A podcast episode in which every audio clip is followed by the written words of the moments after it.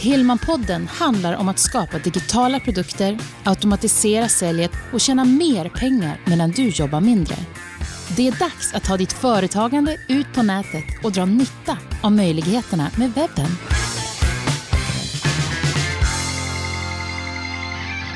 Ja men hejsan och välkommen till det 20 avsnittet av Hillman-podden med mig Greger Hillman. Det här är en podcast som handlar om att driva och utveckla företaget med hjälp av internet. 20 avsnittet, det här är helt klart en milstolpe och eh, innan eh, jag går in på dagens ämne så vill jag passa på att tacka alla er som lyssnar på min podcast. Det är jätteroligt och tack också ni som skickar meddelanden till mig på sociala medier och eh, även mail. Jättekul att höra. Fortsätt gärna med det. Har du några frågor som har med webbföretagen att göra så passa gärna på och skicka in en fråga via min hemsida gregerhillman.se så ska jag försöka svara till dig direkt eller så kanske vi tar med det i en kommande avsnitt här av podcasten. I det här 20 avsnittet eh, så vill jag bjuda på någonting speciellt och någonting extra. Och eh, det här är både speciellt och extra. Du ska få höra på en intervju som jag gjort med Mattias Hillestrand som är expert på avslutstekniker. Och för oss alla som driver företag så en gemensam nämnare där för att man ska få sitt företag att fungera så måste man ha ett fungerande sälj. Om du inte säljer någonting så har du inget företag helt enkelt. Så i det här, eh, den här intervjun så kommer jag att prata med Mattias om eh, sälj och om avslutstekniker. Och det här passar både dig som har en fysisk butik men också dig som jobbar med försäljning på internet. För vi kommer in på det också, hur, hur man kan tänka kring det. I eh, slutet av, eh, efter den här intervjun ska jag säga, så kommer jag tillbaka och avrundar lite grann. Har eh, några saker som jag vill berätta där också. Men nu tycker jag det är dags. Vi kastar oss rakt in i intervjun med Mattias Hillestrand som kommer från eh, hillestrand.se ska jag säga. Där finns hans eh, bas på nätet kan man väl kalla det för. Som vanligt så har du också anteckningar till det här avsnittet på gregerhillman.se snedstreck 20. gregerhillman.se snedstreck 20. Ja, då vill jag välkomna Mattias Hillestrand från Hillestrand Consulting AB som är, eh, ja, eh, har blivit lite av, av min mentor via en e-kurs. Vi kommer komma in på den här när det gäller då att handla, eller egentligen få till affärer. Avslutstekniker ska vi prata om. Vi ska också prata om sälj och det här är ju någonting som alla företagare, alla som driver ett företag överhuvudtaget, måste få det här att fungera, för annars har man inget företag, då, får man, då leker man företag. Eh, eh, så att eh, det är det vi ska prata om idag. Eh, Mattias, han driver också tillsammans med Christer Maxe en podcast som heter Säljpodden. Och eh, kom, vi kommer prata om massa olika saker. Vi kommer prata om, om eh, e-kurser, vi kommer prata om de här böckerna som eh, Mattias har gett ut också. Alla de här uppgifterna finns som vanligt då i anteckningarna till det här avsnittet av Hillman-podden. Men nu vill jag hälsa dig varmt välkommen Mattias. Jättekul att du eh, ville ställa upp och vara med här i min podcast. Välkommen! Tack så mycket, roligt att vara här. Ja. Eh, eh, som jag sa här inledningsvis, avslutstekniker, det är väl det som eh, många kanske känner eh, till dig som lite sån här expert på just att jobba med avslutstekniker och eh, för den som lyssnar här nu som inte vet vad avslutstekniker är, vi kanske ska börja med bara en liten definition av, eh, skulle du vilja definiera vad en avslutsteknik skulle kunna vara? Ja, det skulle jag kunna göra. Och om man har om man är helt novis inom försäljning så kan man säga så här att det brukar läggas upp på traditionellt sätt då, att man eh, öppnar ett samtal där man inleder, kallas det för, med någonting. Och sen så försöker man då ta reda på kundens behov och sen så försöker man då eh, sälja in sin egen lösning då på det behovet som man hittat och sen så brukar det komma lite invändningar och sen så brukar det traditionellt sett vara ett avslut på slutet. Och det är oftast en fråga då till exempel, eh, ja, vad säger du, ska vi köpa det här? Eller eh, vill du ha den röda eller vill du ha den svarta? Vill du ha leveranser på tisdag eller på torsdag? Vill du köra med det här eller det här? Det finns hundratals olika avslutstekniker. Och det är oftast en fråga Det kan också vara ett påstående. Det kan vara en kommentar, det kan vara en åsikt. Men det är ju meningar och ord som syftar i att föra samtalet framåt och få en affär. För allt man gör innan handlar egentligen bara om information. Du nämner olika saker eller frågar olika saker eh, om din kund. Men det är ju i och med avslutet som gör att det blir en transaktion. Då kommer ni överens om att ni ska göra en affär. Och det är ganska uppenbart då att man behöver jobba lite med avslutet eh, i hela sitt säljsamtal för att få en transaktion och inte bara lämna information.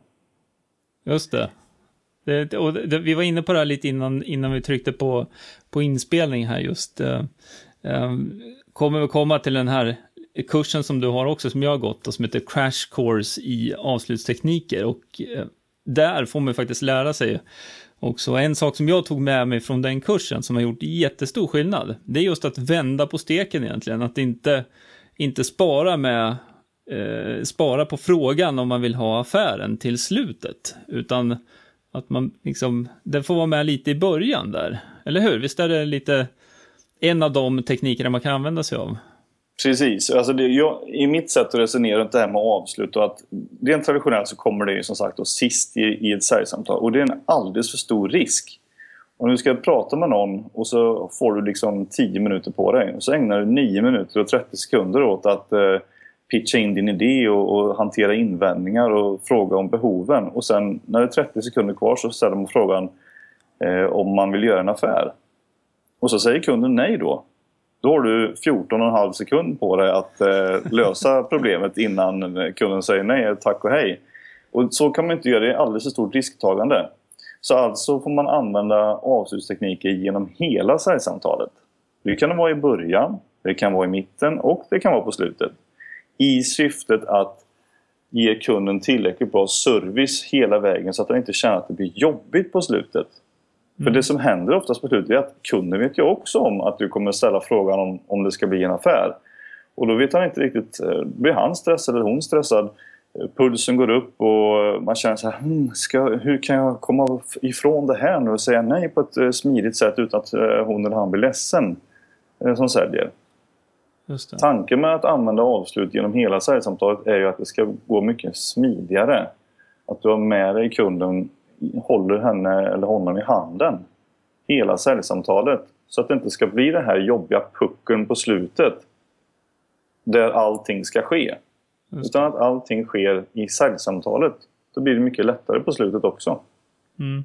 För det här, eh, det vi pratar om nu, det är ju eh, kanske främst om man säljer tjänster och är ute, ute och eh, besöker företag, eller man har företag som kommer till sig på, på kontoret. Och, Eh, man, eh, ja, eh, för vi har ju de som lyssnar också som kanske driver butik och jag vet inte om man skulle, skulle man kunna överföra det här på något sätt för dem då som, eh, det är lite annat tankesätt där kanske? Vad tror du om det? Alltså egentligen så handlar det är inte så stor skillnad om du har en butik heller för att det handlar ju hela tiden om att hjälpa kunden att hitta rätt. Och i och med att man då ställer avslutsfrågor under tiden som man har ett säljsamtal. Eller ett, ett, man, I en butik så kanske man inte ens räknar som ett säljsamtal utan man bara pratar med de kunderna som kommer in. Mm. Men indirekt så blir det ett säljsamtal. Och om man då frågar i början vad de är ute efter till exempel, om man kan hjälpa dem. Eh, eh, om de har handlat här förut och så vidare för att få någon form av bild av den kunden som är här och vad det är de, man som butiksägare kan hjälpa till med. Mm. Så egentligen så behöver det inte vara så stor skillnad att använda... Det är inte så att man i en butik, det sista som händer innan man går till kassan, ska du köpa det här då? Nej, just det. Utan det blir ju en, en... och det är ju inte den direkta frågan man kanske behöver ställa i början heller. Utan man behöver ju ta reda på hela tiden, vad är det för kund man har framför sig? Eh, vad ska de använda sakerna till? På vilket sätt? Hur kan man hjälpa dem att hitta det som de absolut behöver och så vidare. För att sen leda fram dem till om de hellre vill betala med kreditkort eller kontant. Just det. Och sen går man till kassan. Så att allting handlar med avslutstekniker. Det har varit en, en fel sätt att definiera kan jag tycka. Eftersom man har använt det som det som händer på slutet. men mitt sätt och det jag har skrivit om den här boken, jag skrivit Avslutsbibeln, är att, att tänk på det som ett sätt att hjälpa kunden hela vägen. Inte bara magiska ord som ska hända på slutet. Just det. Och, och jag tror att, eh, jag sitter och tänker här också, för det, precis som jag som också har ett, ett tjänsteföretag då, så är det, Ehm, jag upplever i alla fall så här att ehm, en stor del av den här säljprocessen då, när man ska komma fram till ett avslut, det, det handlar egentligen om, precis både som du säger, då, att man lyssnar in behovet, men också att eh, man, i alla fall jag i många fall, får utbilda kunden också i vad olika saker har för funktion och varför man ska eh, satsa på det. Och det, jag jobbar mycket med hemsidor, sökmotoroptimering och sådär med, med små och mellanstora företag då, och då eh, kan det vara en sån enkel sak som att man måste fundera på var, vilken budget är det som, som eh, det här, den här investeringen då ska, ska gå på. Är det en hemsida, är det som en fastighet eller är det, har det, med, det har mer med reklam att göra kanske och, och långsiktigt, hur ser den budgeten ut då? Så att man får hjälpa kunden att se nyttan, precis som du säger, hela vägen. Men, men jag upplever det som att en stor del av tiden går åt också till att faktiskt utbilda kunden. Men jag tror det, eh, vi är inne på samma sak där just för att en, en, eh, om man säger en kund som vet vad det är man köper och syftet med det också, eh, varför man investerar de här pengarna, det gör det lättare också att ta det här beslutet och få till avslutet i, i säljsamtalet. Så eh, det är min erfarenhet av, jag vet inte hur, hur du ser på det? Eh, det ligger mycket i det du säger och har man det som en grundidé att eh, tänka sig så här. Vart är kunden just nu? Och hur kan du med dina tjänster och produkter hjälpa kunden till, ett, till, ett, eh, till en position där de vill vara? Då blir det ju ett, ett gap däremellan. Att på den ena sidan det är den nuvarande situationen och på den andra sidan är det här vill du vara. Och det som är däremellan det är ju det gapet som du kan hjälpa till att fylla. Just det. Och det blir ett sätt för att visualisera hur tänket kan vara för istället för att bara fokusera på min produkt. Utan tänk istället kundens sätt. Vad kommer hända med honom eller henne efter att de har använt den här? Eller när de använder den här produkten eller tjänsten. Just det. Vilket vilket ställe kommer de att vara på? Vilken position kommer de ha när de använt det? Så det är ett gap man vill fylla däremellan. Och eh, det kan ju givetvis bli på alla möjliga sätt som det kan gå till. Men att utbilda kunden i att få insikter om att det finns andra sätt att göra än vad de gör i dagsläget. Det är ett sätt att utbilda kunden och det är också någonting som är ganska vanligt, eh, eller har blivit mer och mer vanligt, den här insight selling. Mm. Eller challenger sales, eh, som också är den andra eh, sätt, eller säljmetoden som man kan använda. Att man, ger, man utmanar kunderna lite grann i vad de är och man ger dem insikter i var de kan vara, eller var de kan hamna när de använder olika typer av lösningar. Det handlar inte så mycket om själva lösningen i sig utan det handlar om att, att överbrygga gapet. Just det. Eller klyftan. Det, ja, precis. Så det är, och då blir det ju mera, jag tror det här är en jättevanlig sak, att man gärna vill berätta om sin produkt och vad man, vad man, vad man, hur den produkten ser ut istället för att titta ur kundens ögon, alltså, alltså ur den synvinkeln direkt. Och så vad har jag för nytta av det här som kund? Mm. Um, eh, jag tror det är ganska vanligt. Jag, jag måste erkänna att eh, det, jag har varit i den fällan ganska, ganska mycket tidigare själv. Mm. Eh, just det att man istället för att, alltså du vet nyttan, men det handlar ju om ord också, hur man lägger fram det. För det är ju, det, det finns ju olika sätt att, om, om, man bara visar på alla funktioner i en, i en produkt eller en tjänst och sådär, men inte lyfter fram för kunden då att när eh, man använder den här tjänsten eller varan så kommer resultatet bli. Jag tror det är en, en, en nyckel där. Absolut, du är helt inne på rätt spår. Men tänk du ska ha en presentation om någonting så, så bör du tänka igenom så pass mycket innan eller säljsamtal innan att att 90% ska egentligen handla om vad resultatet blir. Mm. Och 10% av din prestation ska handla om vad själva produkten gör. Just Och det det. är det jag menar med att, att du är på ett ställe och du vill vara på ett annat. Och det här gapet som blir däremellan, det är ju själva nyttan som du kommer vara här borta. Det. Värdet, resultatet av att använda den.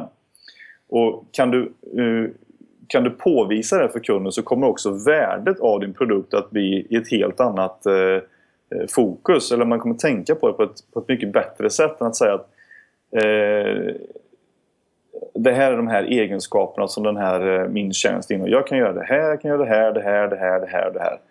Jaha, tänker kunden, vad är det som är fördelar med det? Då måste du själv då, ja men fördelen är att då, då kan jag fixa det här och eh, fördelen är att det är så här. Ja, men vad, jag, vad har jag för nytta av det? Tänker kunden. Ja, just det.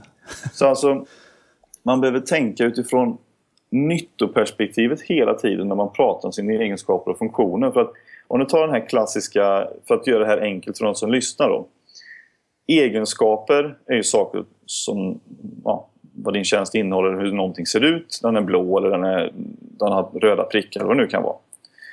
Fördelen med att den är blå, det är att eh, ja, den syns inte på vattnet eller vad det nu kan vara.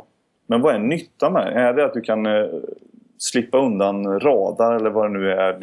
Jag hittar jag bara på out of the blue här. Men, eh, En sån behöver jag ja, exakt.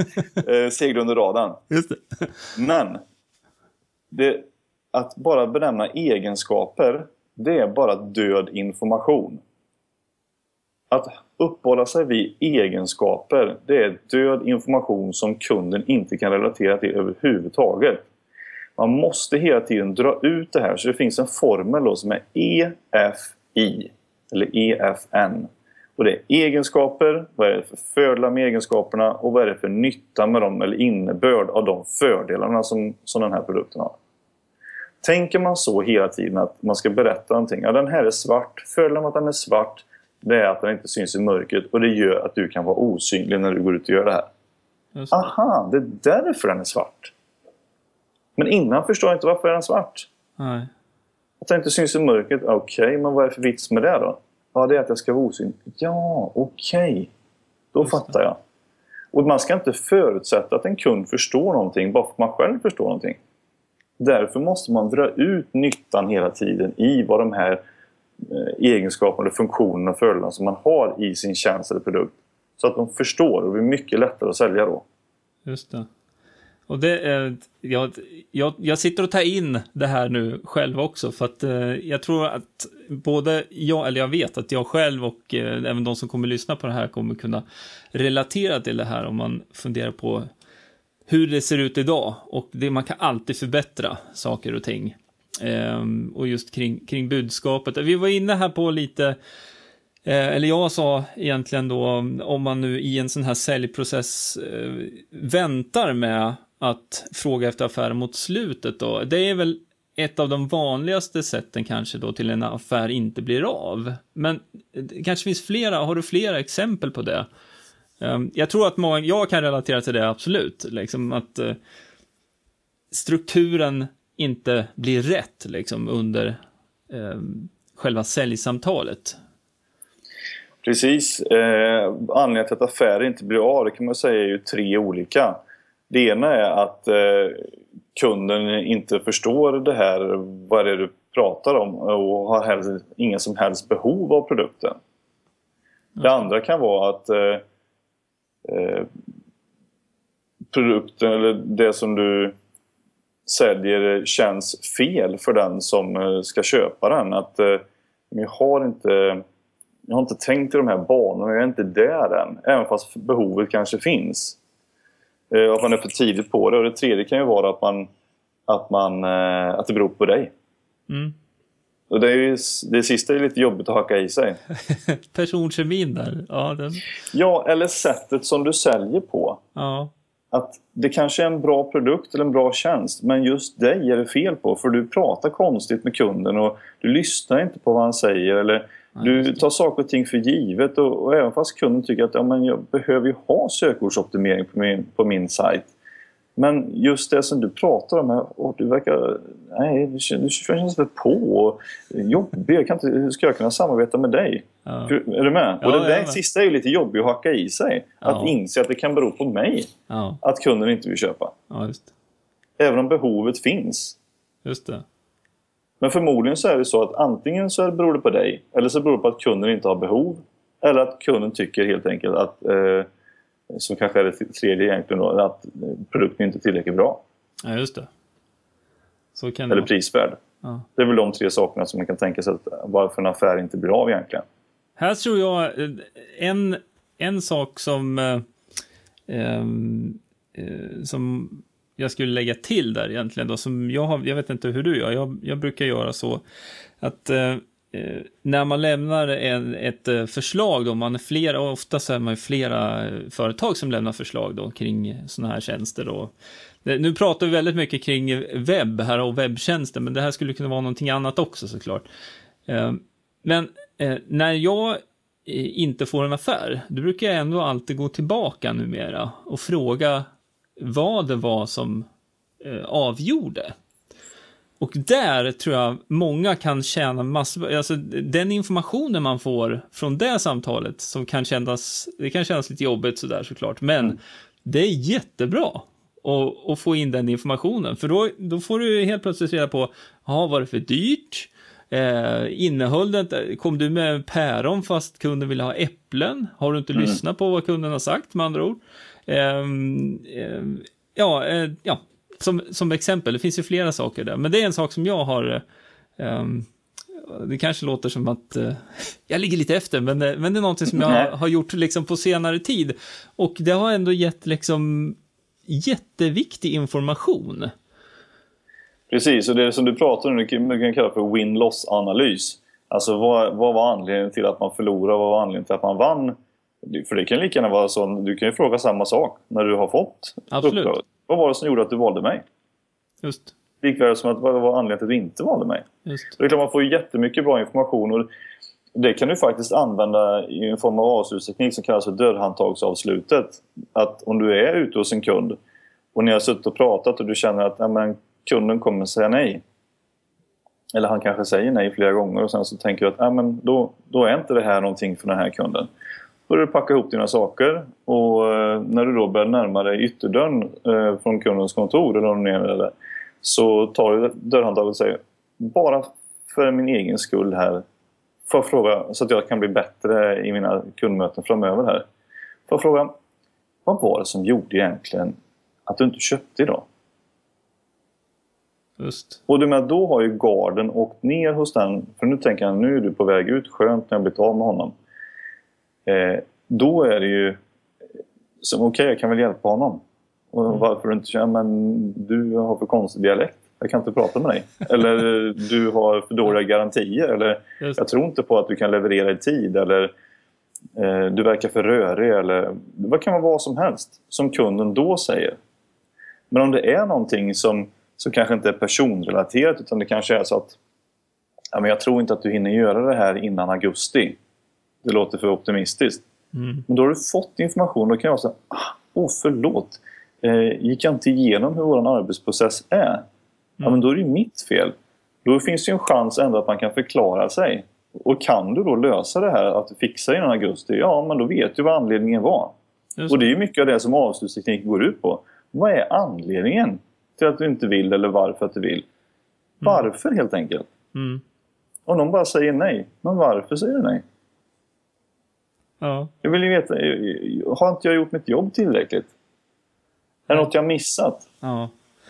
ja, och jag tror att det där... Eh, eh, man måste våga fråga dem, ställa de frågorna också. Där, eh, för att kunna bli bättre helt enkelt också. I de situationerna där. När man inte, man känner att det håller på att rin, rinna iväg liksom. Precis. Ehm, men du, Så man ska en- inte vara rädd för att ställa frågan. För vad är det värsta som kan hända? ja, Du får ett nej. ja, Och det, hur jobbigt det är är det det? värsta. Ja, det är det värsta som Och kan det hända. bästa blir att det blir ett ja. Så att eh, Exakt. du har liksom upp eller ner. det, det, är inte hela världen det blir ett nej. Men jag jobbar med försäljning så är liksom 90% av allting handlar om att få ett nej hela tiden. Ja. Det handlar inte om att du måste att du helt övertala eller på, pracka på någon att det ska ändra sig till ett ja. Utan det är bara att inse att men alla är inte behov av, sina, av mina grejer. Ja, just det. Du, en, eh, en annan sak som jag funderar på eh, kring just det här säljsamtalet. Säg nu att du har varit ute och träffat en kund. Du har suttit ner, du har gått igenom de här olika sakerna, men du kommer inte till eh, eh, ja, vi säger så här att kunden vill tänka lite och vill inte lämna något besked just då. Och sen så kommer du då, eh, ska komma tillbaka och följa upp det här. Har du några strategier kring det, hur man följer upp eh, ett sånt här möte där man ändå, då har du ju gått igenom de här sakerna i, i din tjänst då till exempel. Mm. Har du någon bra strategi där? Min strategi för det här är att alltid komma överens om vad nästa steg är. Inte bara säga att ja, men jag hör av mig om två veckor. Men vadå, hör av sig om två veckor? De kommer inte höra av sig om två veckor. Varför inte om två dagar? Mm. Vad är det som ska ta två veckor? Man vill ju veta vad är det som kommer hända eller vad är det framförallt vad är det du ska tänka på? Som du inte kan ta beslut om nu. Jag måste prata med min, med min eh, chef eller med min partner eller vad det nu kan vara. Och då finns det ju massa avslutstekniker som man kan använda för att reda ut varför man måste prata med den här chefen eller kunden. Eller frun eller vad det nu kan vara. Just det. Men min strategi är alltid ta reda på vad som ska hända till nästa gång man ses. Eller hörs. Ja. För att få veta Dels behöver du veta, ska du förbereda någonting? Ska du arbeta upp någonting? Ska du skriva en offert? Ska du ta, eh, ta kontakt med någon? Ska kunden ta kontakt med någon? Kan du hjälpa dem på något sätt? Det handlar ju om, inom försäljning att hjälpa kunden så mycket som möjligt. Och kan du hjälpa till så ska du göra det. Men kom också överens om vad är det vi ska göra till nästa gång som vi ska höras eller ses. Just det. För då hänger det inte i luften heller. Nej men precis. Ja men jag hör av mig. Men eh, jag sitter med min kalender framför mig. Kan vi... Sitter du med din kalender? Ja, ja men då kan vi komma överens om en tid redan nu. Mm. Så skriver man in den och sen så mejlar man den till personen eller smsar tiden eller bjuder in till en aktivitet i telefonen som går att göra. Och sen så påminner man också någon dag innan eller sådär.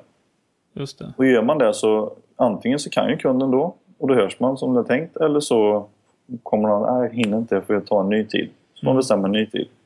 Så man inte bara låter saker och ting hänga i luften. Nej. Jag har en, en grej, ehm, jag vet inte var jag snappat upp det, någonstans ifrån eh, när man mejlar ut, eh, om man ska boka en tid då, till exempel, att om man ger två förslag. Mm. Eh, för att då har du, säg då att, eh, ja men ska vi ses på onsdag förmiddag, så kommer jag ut till ditt företag, så kan vi sitta ner då klockan tio. Mm. Eller passar torsdag klockan två bättre? Mm. Den, eh, det är en, eh, en vad man ska säga, en, en mening som jag använder ganska ofta då. För då har du gett två konkreta förslag. Eh, och mm. det går inte att säga nej på det bara, heller. Nej, och det är ju en, en, den är en av de mest klassiska avslutstekniken. Jag nämnde några i samma genre ja. som det här tidigare, rött eller grönt, tisdag eller torsdag. Och det är alternativmetoden som det kallas för. Och, och den, absolut, den funkar ju i många fall att ge två förslag mm. på det. Eh, det som funkar ännu bättre det är att om man är ganska tydlig med hur lång tid det kommer ta. Låt säga att men om jag får 20 minuter av dig så kan jag förklara hur det här fungerar på ett, på ett eh, sätt så att du kan göra en bedömning av hur du vill gå vidare sen. Och sen bokar du in då 20 i 10. Just det. För då har du gett kunden en tydlig vink om att det här kommer ta 20 minuter. Just det. Istället för att säga att ja, men vi ses klockan 10. Okej, okay, men det här kanske tar en timme. 10 till 11. Oh, det kommer ta för lång tid. Eh, ah, jag tror inte att jag hinner riktigt klockan 10, vet du. Ja, tänker kunden då. Det där var riktigt bra. Den där ska det jag lägga till i min egen eh, verktygslåda. Det är ja. bra, för det sänder ju, det sänder ju det budskapet direkt, att det här tar 20 minuter. That's it. Precis. Och ett, ett sätt man kan också göra det är att om du absolut inte om kunden är, spelar väldigt eh, eh, svårfångad och nej, jag har inte tid tisdag, nej inte torsdag heller, det funkar inte. Då kan man använda en annan metod som är När kan du absolut inte? Just det. nej, på tisdag klockan ett har jag ett möte och, och på onsdag klockan två har jag ett möte. Men vad bra, men då kommer jag 20 i två på onsdag. Så har jag 20 minuter precis innan ditt nästa möte. Ja, just det. Då har, du, då har du vänt på det istället. Att då får kunden säga att man absolut inte kan. Nej, men då har du massor med tid över som du kan boka de andra tiderna. Det var bra. Det där är, det är också väldigt bra tips. Det där ska jag ta med mig också. För um, uh, det har väl kanske lite att göra med uh, kunder man jobbar med, men det, generellt sett så företagare brukar ha väldigt ont om tid. Mm. Uh, och då gäller det liksom att försöka vända på det. Det var ett väldigt bra tips. Det där ska jag använda själv. Absolut. Ja, prova får du se. Ja. Du, eh, en annan sak då. Det, nu har vi pratat om sälj och avslut här lite grann då, men eh, låt säga nu att eh, eh, om man driver ett företag då och försäljningen kommer, alltså man har inte tillräckligt med försäljning som det är idag. Har du några tips som vi skulle kunna eh, skicka med här nu till um, ja, de som lyssnar då, då som, eh, just det här med att man kanske är ute på, på en del säljsamtal, men man får inte de resultaten som egentligen krävs. Eh, man får inte affärerna helt enkelt. Vad ska man göra då? Om man inte får affärerna? Ja. Ja, dels så kanske man då får eh, göra sin eh, lossanalys här och fråga kunden vad var det som gjorde att man inte ville köpa. Det kan ju vara så att man ligger helt fel i pris det kan vara ett erbjudande helt fel mot vad eh, kunderna eller att det du säljer faktiskt inte är någonting som någon vill eh, efterfråga särskilt mycket. Då får man ju tweaka sina erbjudanden eller sina produkter eller sina tjänster till någonting som gör att kunderna faktiskt eh, är villiga att betala för det. Och det kan ju vara enkelt att fråga. Om jag gör den här tjänsten, är det någonting som du skulle vilja köpa då? Nej. Ja, men då kanske inte är så stor idé att göra det. Mm. Eller så säger kunden ja. Men är det så att man inte... Om man tänker sig att man inte får den försäljningen som man har tänkt sig eller det hörs inte av så mycket kunder och man är inte ute på så mycket kundmöten. Då har man ju oftast tid. Mm. Har man ingen försäljning, då har man ju tid. Tänk dig en butik till exempel. Om de har försäljning i butiken, då har de inte tid. Har de inga kunder i butiken, då har de tid. Tid för vad tänker man? Jo, att se till att det kommer in kunder i butiken. Just det. Och på vad sätt då? Jo, genom att eh, marknadsföra sig eller skapa säljfrämjande eh, aktiviteter. Så har du inte försäljning så har du tid och då kan du använda den tiden till att tänka ut hmm, kan jag komma på ett bra erbjudande som jag kan lägga ut på Facebook? Kan jag göra en videofilm som jag lägger ut på min Youtube-kanal och skickar ut till mina kunder? Eh, kan jag göra en bra annons med ett bra erbjudande som de klipper ut och tar med in i butiken? Eller vad kan det vara som jag funderar på för att få in folk hit? Och det behöver inte vara en butik, det kan vara ett företag också. Mm. Ringer inte telefonen, ja, men då, vi, då använder vi liksom tiden till att surfa på Facebook eller kolla på nätet efter någonting annat eller utbilda oss lite istället för att sälja eller marknadsföra oss. Mm. Det mm. finns ju bara två sätt. Anledningen till att man har ett företag det är ju två. Det är att sälja någonting och det är att marknadsföra sig så att man kan sälja någonting. Just det. Det man håller på med i butiken eller sitt företag, det kommer ju sen. Det. det. är inte bara jag, det är inte att jag är världens bästa säljutbildare. Det är kanske att jag är världens bästa på att, sam, att marknadsföra mig som det. Ja. Ja men det handlar, det handlar ju om det. Du har ju ingen affär förrän du har eh, har kunderna liksom. Nej men precis. Så det, eh, och där tror jag också att det, eh, många mindre företag, just det här som, eh, som kanske inte vet så mycket om hur man kan marknadsföra sig då på, på nätet. Visst, Facebook, man kan ha en Facebook, en företagssida på Facebook och man kan annonsera på Facebook. Men det är väldigt generellt vad man kan göra med Facebook. Mm. Uh, där som, jag vet inte hur mycket, jobbar du mycket med Facebook själv eller? Eh, ja, det skulle vi kunna säga. Mycket av mina annonseringar eh, går via Facebook. Eh, det har jag gjort för att det är ett relativt billigt medium att testa saker och ting i. Mm. Jag har testat Twitter, jag har testat LinkedIn, Youtube, Facebook. Eh, jag har inte testat Pinterest och de här för eftersom jag inte har så mycket eh, bilder och sånt. Men eh, det, är ju olika medium bara för att få fram sitt budskap i. Mm. Och det är väl som ett, ett, ett tips till alla företagare att det är att fundera på varför ska någon överhuvudtaget köpa min tjänst eller produkt? Mm. Vad är anledningen? Det kan man fundera på själv. Vad är anledningarna till varför någon överhuvudtaget skulle handla någonting av mig? Och kan man svara på det, då har man ju sitt meddelande klart. Just det. Vad det är man vill nå ut med. Just det. Och sen i nästa steg får man fundera på vilka är det som man vill nå ut till? Precis. Och sen i nästa steg, vilket media ska jag använda? Så ditt meddelande, din marknad och ditt medium. Just Eller medium, media. Medium. medium. Jag ringer mitt medium. Ja, det kanske funkar med. Ja, det kanske funkar. Ja, det här var, det här var också, vi var inne på det här lite grann innan, innan vi började spela in idag, just det här med att man måste veta var målgruppen finns också, så att man går i rätt media. Som jag som sitter i Nyköping här, vi har en, en lokal tidning då som heter Sörmlands Nyheter, där eh, målgruppen då eh, är, ja, kanske inte om man frågar dem själva, men de som läser tidningen är, är från 50-55 uppåt kanske då på eh, varje dag då sådär. Så då har man en målgrupp som är mellan 30 och 40, då kanske man inte ska lägga 10 000 kronor på en, en tidningsannons, utan då är det ju bättre att lägga en tiondel av det då, 1000 kronor kanske på en riktad Facebook-kampanj då, Mm. egentligen.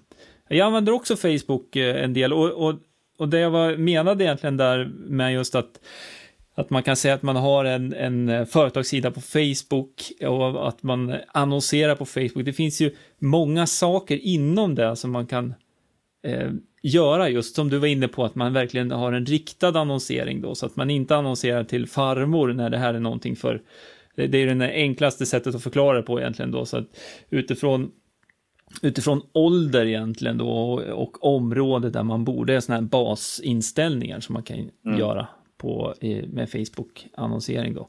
Sen finns det ju någonting som heter retargeting också. Eh, och retargeting, eh, det är någonting som jag faktiskt kommer gräva djupare i ett eh, annat avsnitt här, kommande avsnitt av Hillman-podden. Men jag kan bara kort förklara det att det innebär ju att om du redan har besökare till din hemsida som har eh, på sätt och vis då visat ett intresse för det du har att erbjuda och det du har att sälja.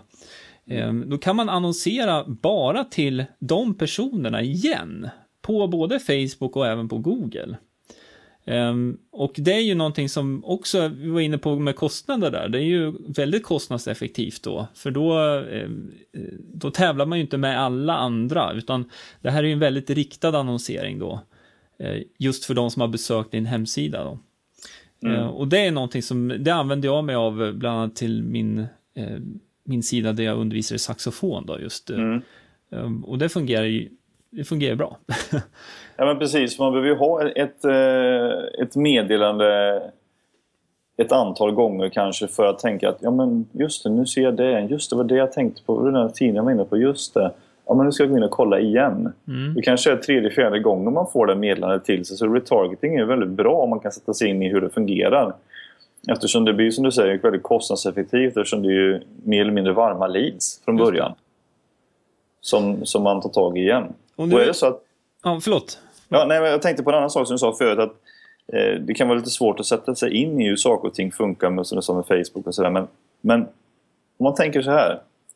Kunde du någonting om Facebook innan du satte dig in i det grejer? Det är klart han inte kunde. Nej, och det är samma sak för alla. Så att när man skyller på att ja, men jag kan inte det där med Youtube, jag kan inte det där med copywriting, jag kan inte det där med att komma på ett bra mening, jag kan inte det där med att sälja.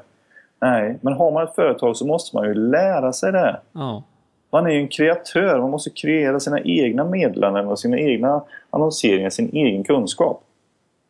Så det är absolut. bara, alltså, är man intresserad för sin överlevnad så får man lära sig det. Det är det det handlar om att vara företagare. Ja, precis. Det här, det här är ju någonting som jag, jag möter här ganska ofta. Just det här att eh, eh, man kanske, eh, just lokala företag, annonserar mycket i, i tidningar, för det har man alltid gjort, inom citationstecken då. Um, och uh, det är ju vissa, det beror ju återigen på målgrupp och sådär. De ska ju gå i tidningen och det är bra att gå i tidningen också så här. Men sen finns det ju de som kanske inte alls borde gå i tidning. Jag har ett, ett företag som jag jobbar med som eh, de kapade bort all tidningsannonsering. Jag tror de har varit med en gång i, i år eller någonting. Och försäljningen ökar ju ändå. Och det mm. har ju att göra med att de syns bättre på när man söker efter deras varor och tjänster på nätet delvis då och sen också att de jobbar med Facebook på ett helt annat mm. sätt då än tidigare. Um, och uh, jag menar, det, vi, vi pratar liksom, de har plockat bort 90 procent av, av den budgeten egentligen, alltså de har sparat den kan man säga, mm, mm. Uh, genom att börja jobba så här istället. Och de måste ju lära sig hur, hur det fungerar att jobba kontinuerligt med det. Men det är någonting som verkligen fungerar. Så att, um, Precis, så det... och det, det, det, vad man kan säga att de har gjort är att de har skapat ett marknadsföringssystem här. Ja. En, en, en, process för hur de ska göra. Och det här ju, tog ju ganska lång tid för mig också att förstå att väldigt mycket av det som man håller på med på ett företag bör man sätta i system. Just. Att man har ett e-postsystem, man har ett eh, annonseringssystem, man har ett kassaregister, man har ditten och datten. det, allting är liksom uppbyggt på olika system. Och det blir mycket lättare för om man sätter in saker och ting där. Man har en, eh, en process där man till exempel skriver ner ett vanligt Excel-dokument. På måndagar, då ska jag göra det här. På onsdagar ska jag göra det här. På fredagar ska jag göra det här. Och så försöker man göra det i ett system hela tiden. Systematiskt. Ett blogginlägg på måndag, en video på onsdag och en annonsering på Facebook på fredag. Eller vad det nu kan vara. Mm. Så att man bara, man, bara att man gör det. Mm. Och sen får man testa sig. Men många gör det ju inte ens. Nej, och då, jag tror ett, ett vanligt scenario är att men jag måste ju liksom driva min butik. Eller jag måste ju jag måste ju, det låter ju så knäppt att säga det, men du vet, jag måste ju jobba, jag har inte tid. Nej, och, det, blir ju, det blir ju helt, eh, helt fel, men det här är ju något som, jag har ju liksom, när man möter lite motstånd så är det ofta det så här, men jag har inte tid med det där liksom. Nej men vänta, har du inte tid att tjäna pengar? Kom igen. vad, vad, vad, kan vara viktigare? Ja men alltså, vad, varför har du ett företag då? Du... Nej.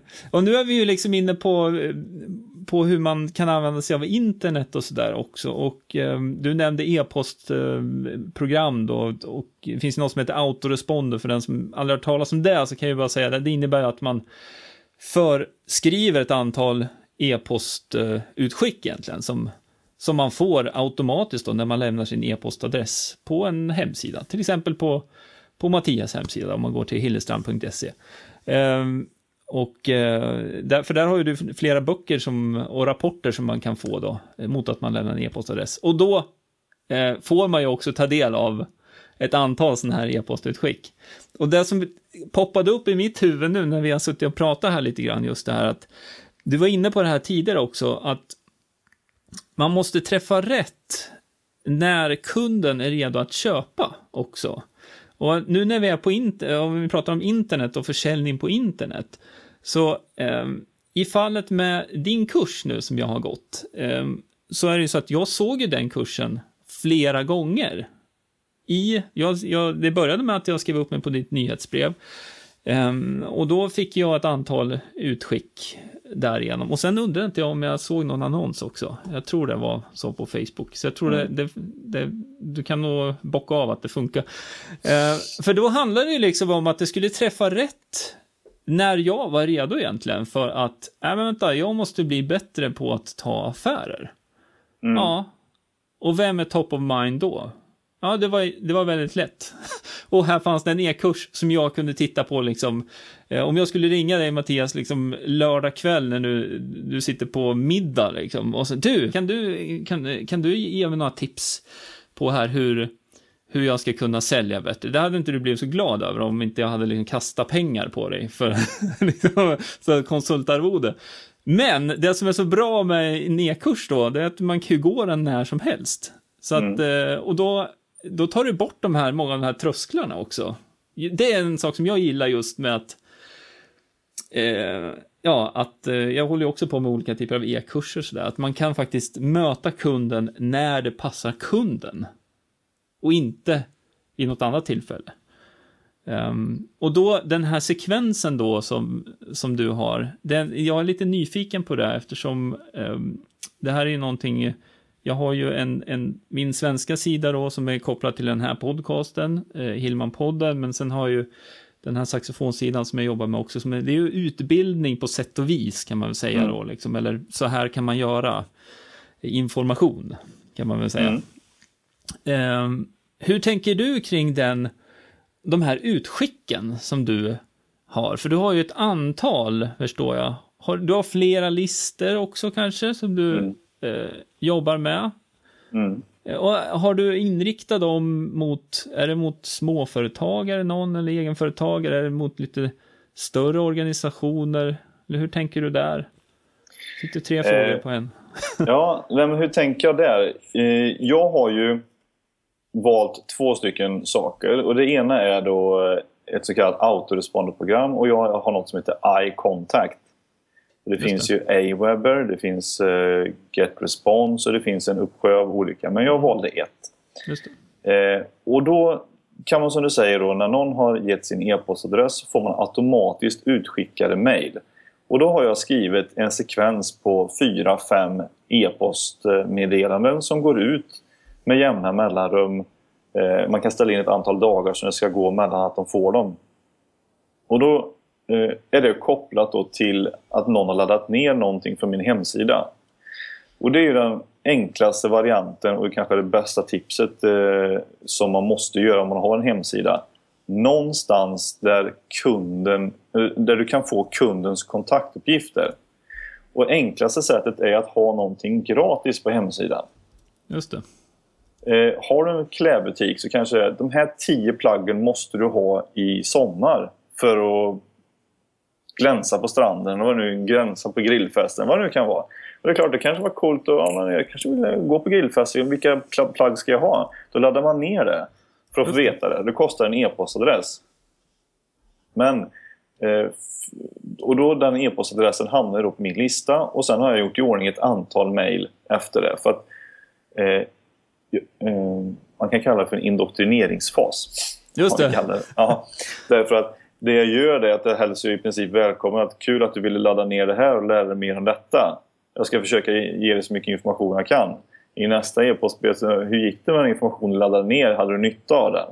Tredje så kanske det är så att jag ger ytterligare några tips och frågar igen om den här rapporten som du laddade ner. Vad tyckte du? Har du använt den? Har det varit några tips för dig? Eh, här kommer ytterligare ett tips på hur du kan göra och så kanske det är en länk till en annan rapport som jag har. Just det. Eller till min e-kurs till exempel om du vill gå vidare och lära dig mer. Och i nästa e-post så kanske det kommer ytterligare... Eh, förra gången skickade jag lite grann om det här med e-kursen.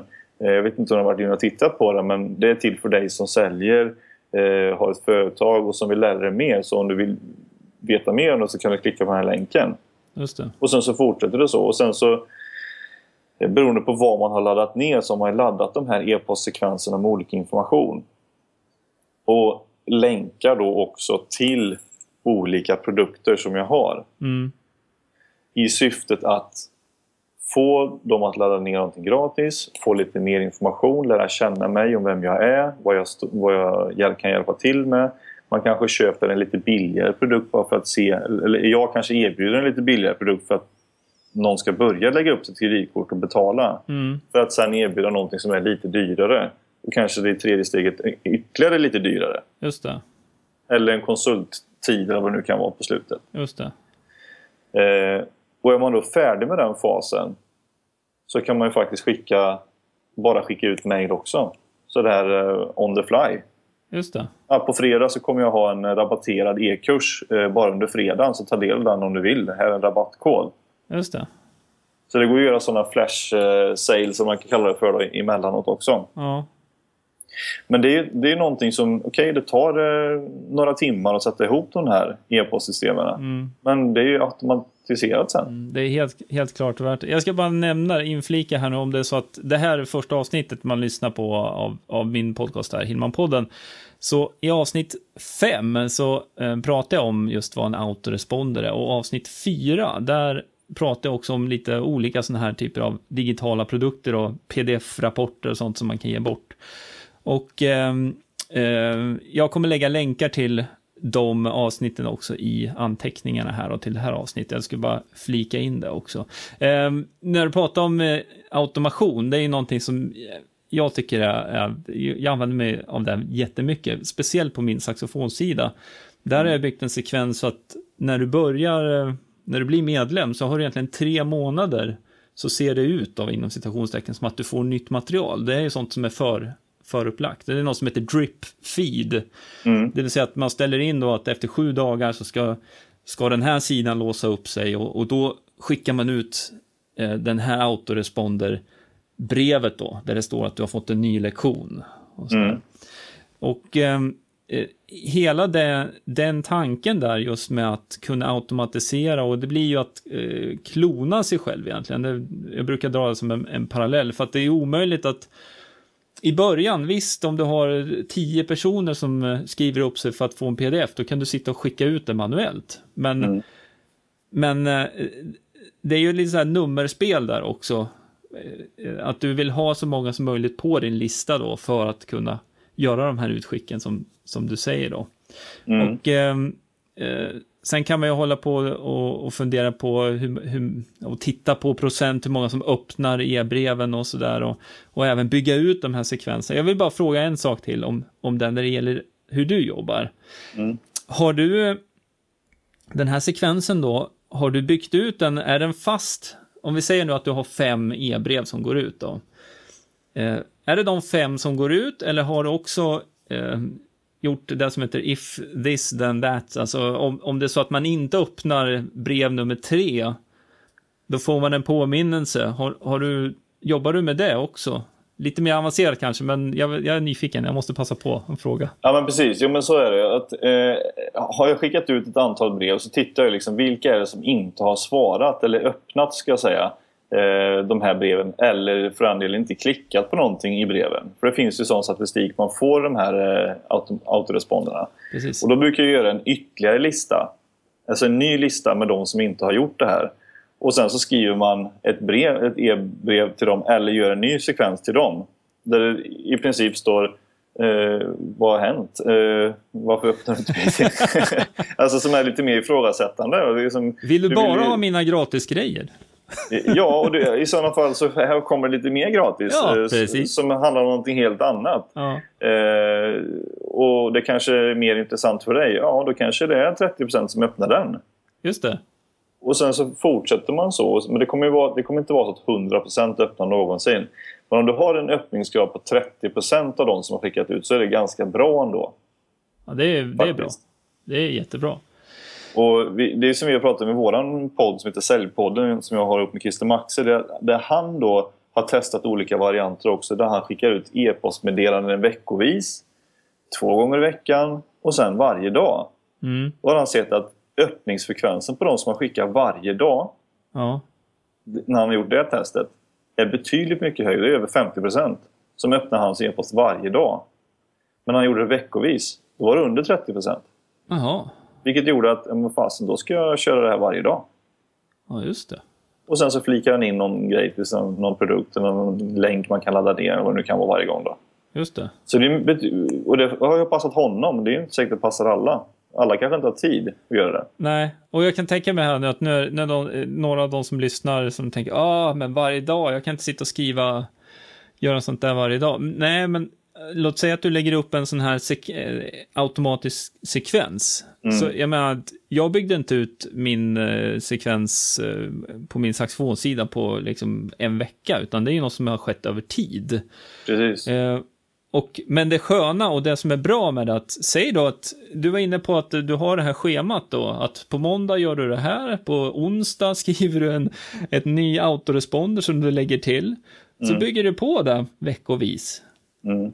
Uh, Precis, och det är som man säger om system och sånt här också. Att, jag menar, ska du skriva ett blogginlägg till exempel, då finns det ju... Om du till exempel använder Wordpress, och det finns säkert så i andra eh, hemsidoprogram också, att pluginer som gör att det sprids i flera kanaler samtidigt. Men när jag skriver ett inlägg på avslutstekniker.se så hamnar det ju på Facebook och på Twitter samtidigt. Just det. Och på min, alltså på min Facebook-sida. Så därför så når man ut i flera eh, kanaler på en gång så man behöver inte göra jobbet flera gånger. Nej, Och det hamnar på Google Plus också. just att, och, och då är Google Plus med och drar liksom, eh, trafiken till alla nya inlägg hela tiden. Just så att- Använder man sådana här system för att skicka ut informationen med flera kanaler samtidigt så sparar du enormt mycket tid. Ja.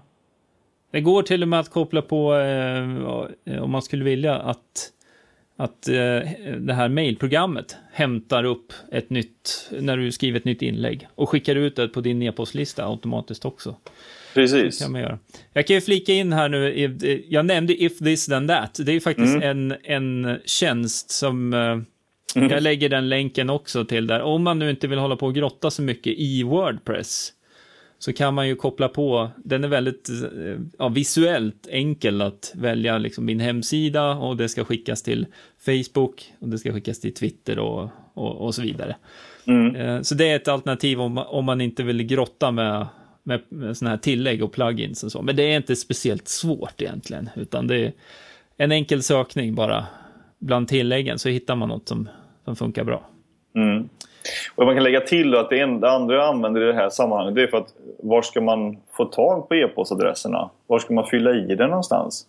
För Det finns ju vanliga formulär, om man använder Wordpress så finns det ju vanliga, massor av plugin för formulär. Men jag har använt något som heter Lead Pages. Som också är att man kan bygga olika saker på, det är som en liten hemsida med drag and drop bara. Man fyller i olika rubriker med det som ska stå. Man kan ladda upp en videofilm eller man kan ladda upp en bild på det man ska kunna ladda ner och sådär. Så gör att det lite mer visuellt snyggt, man ska säga. Precis. Och då kan man använda den här, om man gör en annons på Facebook till exempel eller på AdWords vad det kan vara, så länkas det till den här landningssidan och man får läsa lite mer om vad det här erbjudandet egentligen är. Det, Och sen så lägger man sin e-postadress och så får man det hemskickat då, eller nedladdat. precis. Och lead pages, det är, det är någonting som eh, jag också har faktiskt. Jag har inte rullat ut den på, på gregerhilma.se, men jag har den som på en av mina de här kundmagneter, om man ska säga, då, på Mm. saxofonsidan. Och eh, det är en väldigt effektiv, alltså det, det systemet bygger också på att de inhämtar väldigt mycket data på vilka typer av sidor som konverterar, det vill säga där man får in e-postadresser då. Ehm, Men ehm, nackdelen kan man väl säga om, om man har en begränsad budget så kostar det en del att använda lead pages då. Men å andra sidan, det har vi varit inne på, det måste få kosta för att man ska kunna sälja också. Eh, och så länge du har ett, ett plusresultat där i slutändan så, så är det ju värt det. Liksom. Mm. Och det är inte så dyrt om man tänker sig vad det kan ge. För att jag tror att jag betalade 700 kronor Ja, för en sån här års, eh, på en sån här erbjudande de hade. Och ska man inte göra så kanske det kostar 700 kronor per år istället. Nu fick jag det for life. ja, Men, eh, men så så att visst, det är några hundralappar men ja. mot vad det kan ge. Det så. kostar lite mer nu kan jag säga. Ja, det kanske gör. Ja.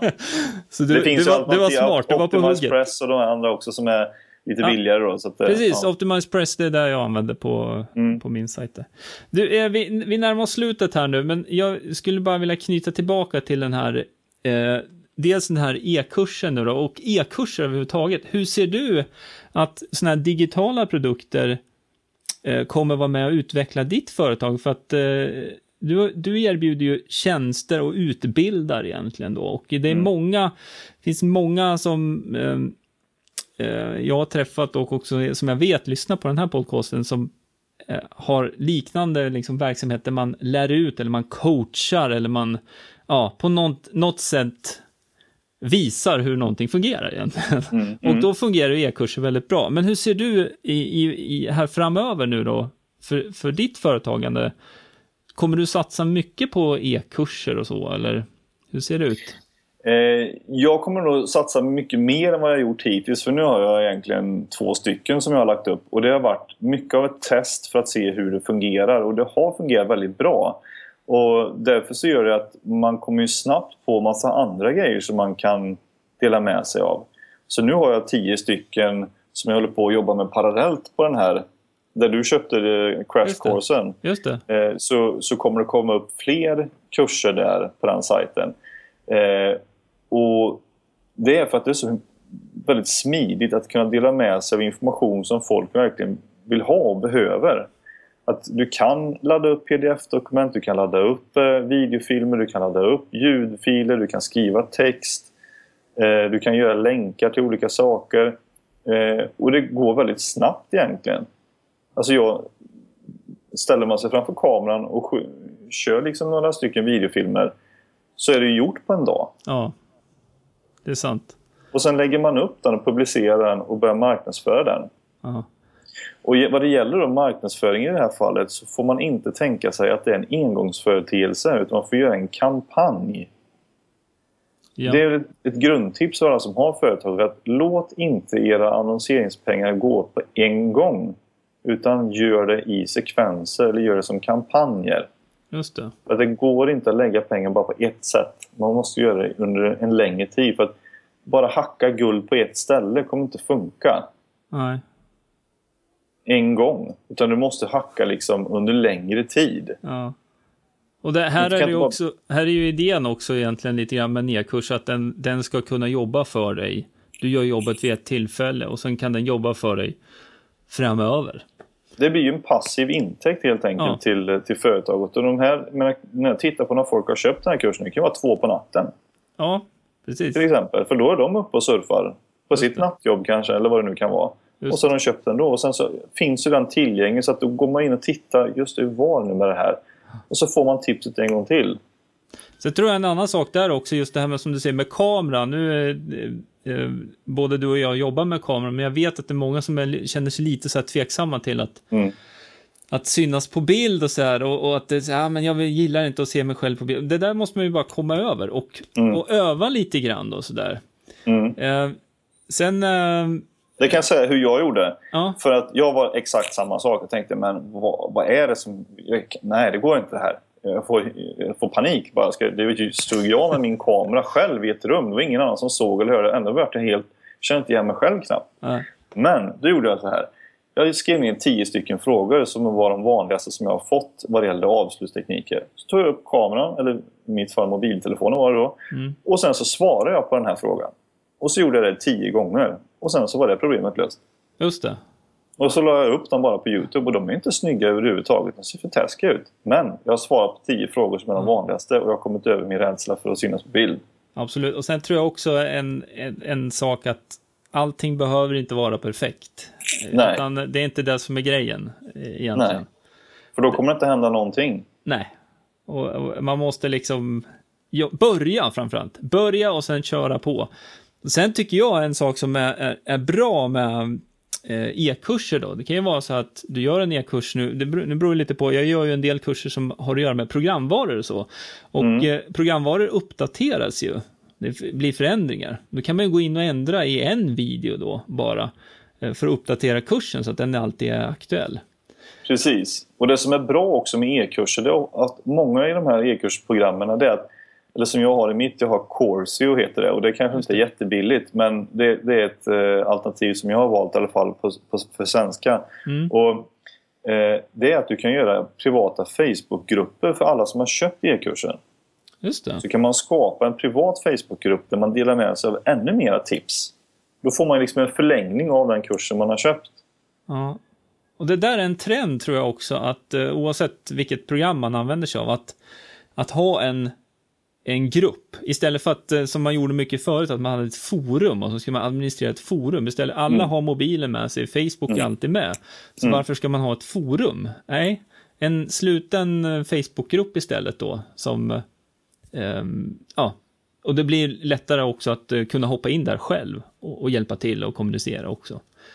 Så det är jättebra. Du, och eh, den här kursen då som, som jag har gått, som vi har pratat lite, vi, vi har pratat kring den egentligen kan man säga. Den heter eh, Crash Course i avslutstekniker. Nu vet jag att det kommer en, eh, en kurs till här. Nu sa du att du håller på med tio, men jag vet att det är en som kommer här kring att ringa kallsamtal.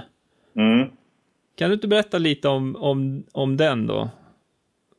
Vad, vad det är? Ja, och det, den, eh, den är ju under uppsegling här eftersom jag själv eh, skulle behöva den, höll på att säga. Eh, eller be, eh, behövde den tidigare för jag var usel på att ringa kallsamtal. Jag satt och svettades bara och klarade inte av någonting. Men de har också upptäckt att det går att göra det här på ett mycket annorlunda sätt och det är att tänka sig från början att jag ska inte ringa och sälja något till någon utan jag ska bara ta reda på om jag kan hjälpa till. Just det.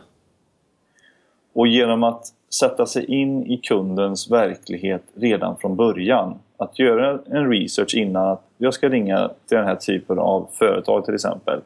Vad är det med dem som, de har, som jag vet är det största problemet?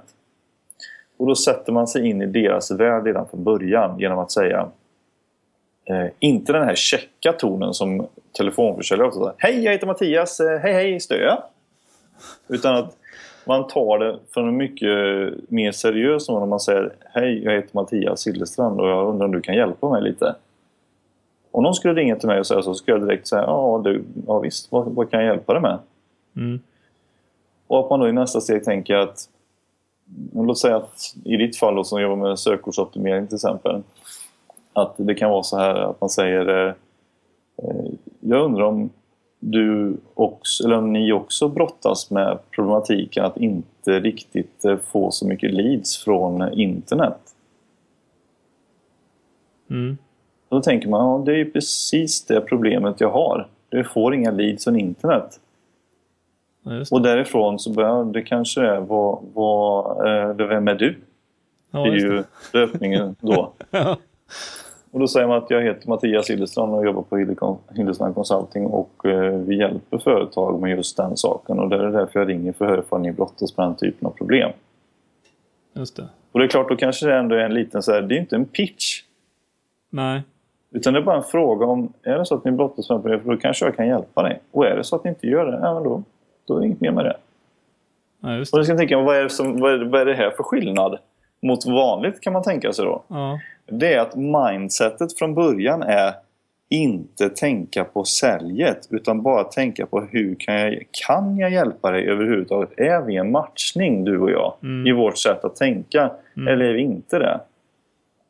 Och det tar ju också bort all press från nu går händelserna i förväg här vad som kommer innehålla i kursen men Ja. man, att sättet att ta bort pressen hela tiden.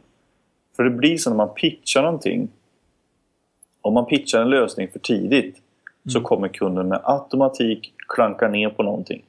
Just det. Man kommer tycka att, om man bara berättar om sina egenskaper till exempel, då kommer kunden tycka att det är för dyrt. Mm. Om man berättar om sina fördelar så kommer kunden ifrågasätta och komma massa invändningar om att vad är det här? Eh, jag behöver inte det här och så vidare. Och så vidare. Just Om det. jag sätter mig in i din, i din eh, verklighet, för det är det det handlar om. Mm. Jag vill komma in i din verklighet, jag vill visa att jag förstår dig i din verklighet. För att se ifall vi kan hjälpas åt. Det är vad kursen kommer innehålla, men det kommer vara mycket mer utförlig än så. Vad som Ja. kommer hända när folk säger saker och vad, vad som kommer hända när du får ringa till någon i, i växeln och, och komma förbi och eh, alla de här sakerna som man kan råka ut för. Ja.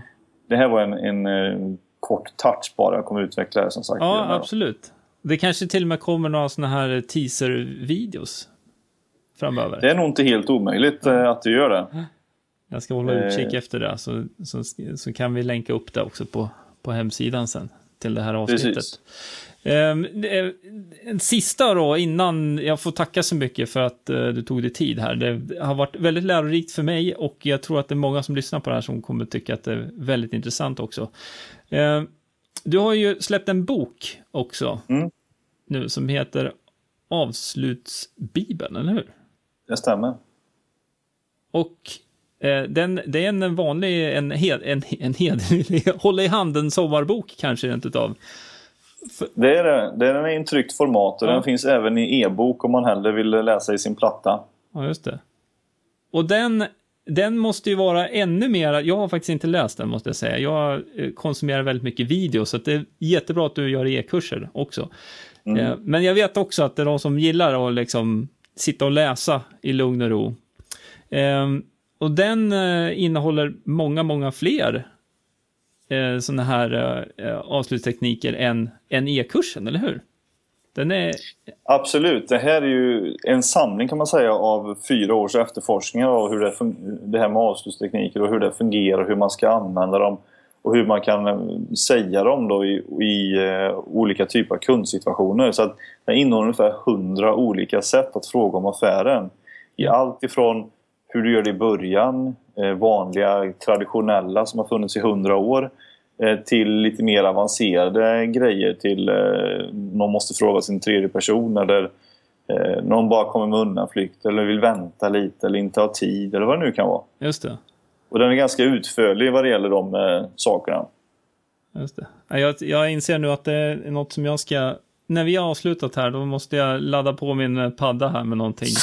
Så jag har, har, någon, har någon, lite läsning här i, i, i sommar också. Det, man kan, ja. det här är ju lite som är grejen. Oavsett, nu pratar vi om, nu, nu pratar vi om dina produkter och sådär och, och det du jobbar med. Men oavsett vad man, när man tänker som företagare, så är man aldrig färdig. Man kan alltid lära sig mera saker, man kan alltid vässa de här teknikerna.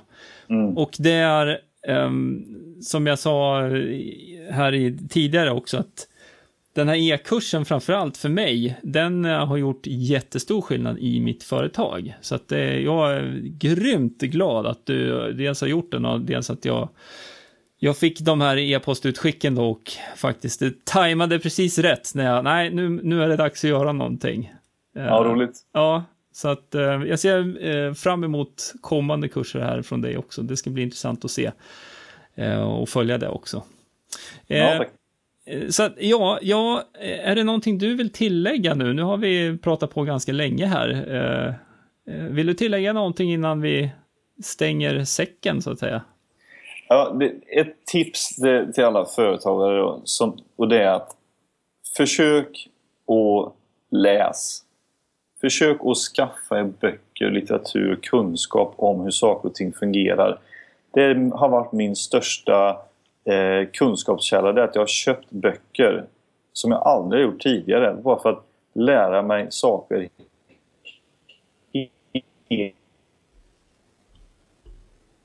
hela tiden och få nya insikter. Varje bok jag läst som, som är väldigt bra på att beskriva olika saker i, i entreprenörsanda och sådana saker. Och de lär man sig också engelska på ett bättre sätt. Eh, så det finns jättemånga bra böcker. Så jag läser säkert tre stycken samtidigt. De ligger på olika ställen. Så tar jag upp dem där jag sitter.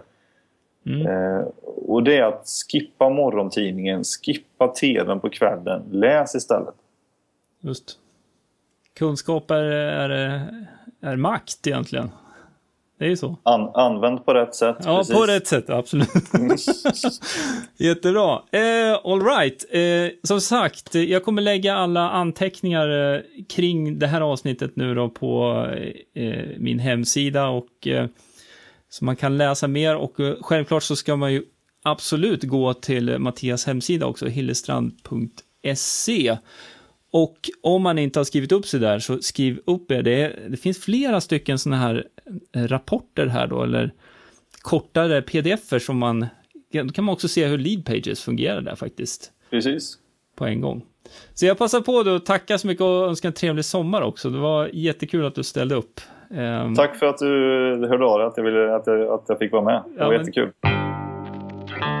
Ja, det där var alltså intervjun med Mattias Hillestrand. Mattias, om du lyssnar, tack återigen för att du ställde upp. Det här vet jag att mina lyssnare kommer ha stor glädje av, så att eh, tacka för det. Om du som lyssnar nu vill veta mer om eh, Mattias, hans eh, böcker och e-kurser så kan du gå till hillestrand.se eller så går du direkt till anteckningarna av det här avsnittet då, gregerhillman.se 20. För där har jag också samlat eh, andra länkar till bland annat eh, några sådana här programvaror som vi kom in på under intervjun. Och alla de eh, uppgifterna hittar du på gregerhillman.se 20 gregerhillman.se 20. Med det så tackar jag för den här gången. Eh, från och med nästa avsnitt så kommer du att märka att formatet har ändrats lite grann. Och jag skulle vilja passa på att om det är så att du skulle vara intresserad av att få svar på några frågor som har med webbföretagen att göra så kan du ta tillfället i akt att nu gå över till gregerhilman.se och skicka in en fråga där. Det kan du välja att göra antingen via ljud, det vill säga som ett vanligt röstmeddelande, finns en knapp på hemsidan där, eller så mejlar du in till mig bara och det kan du göra på kontakt gregerhillman.se så ska vi se om eh, vi inte kan besvara Eh, lite flera frågor också i kommande avsnitt av Hillman-podden. Men som sagt, det här var det vi hade att bjuda på och jag hade att bjuda på idag. Tack för att du lyssnar. Vi hörs och ses i nästa avsnitt. Hej då! Du har lyssnat på Hillman-podden med Greger Hillman. Vill du veta mer om hur du bygger ditt företagande på webben? Gå in på hemsidan gregerhillman.se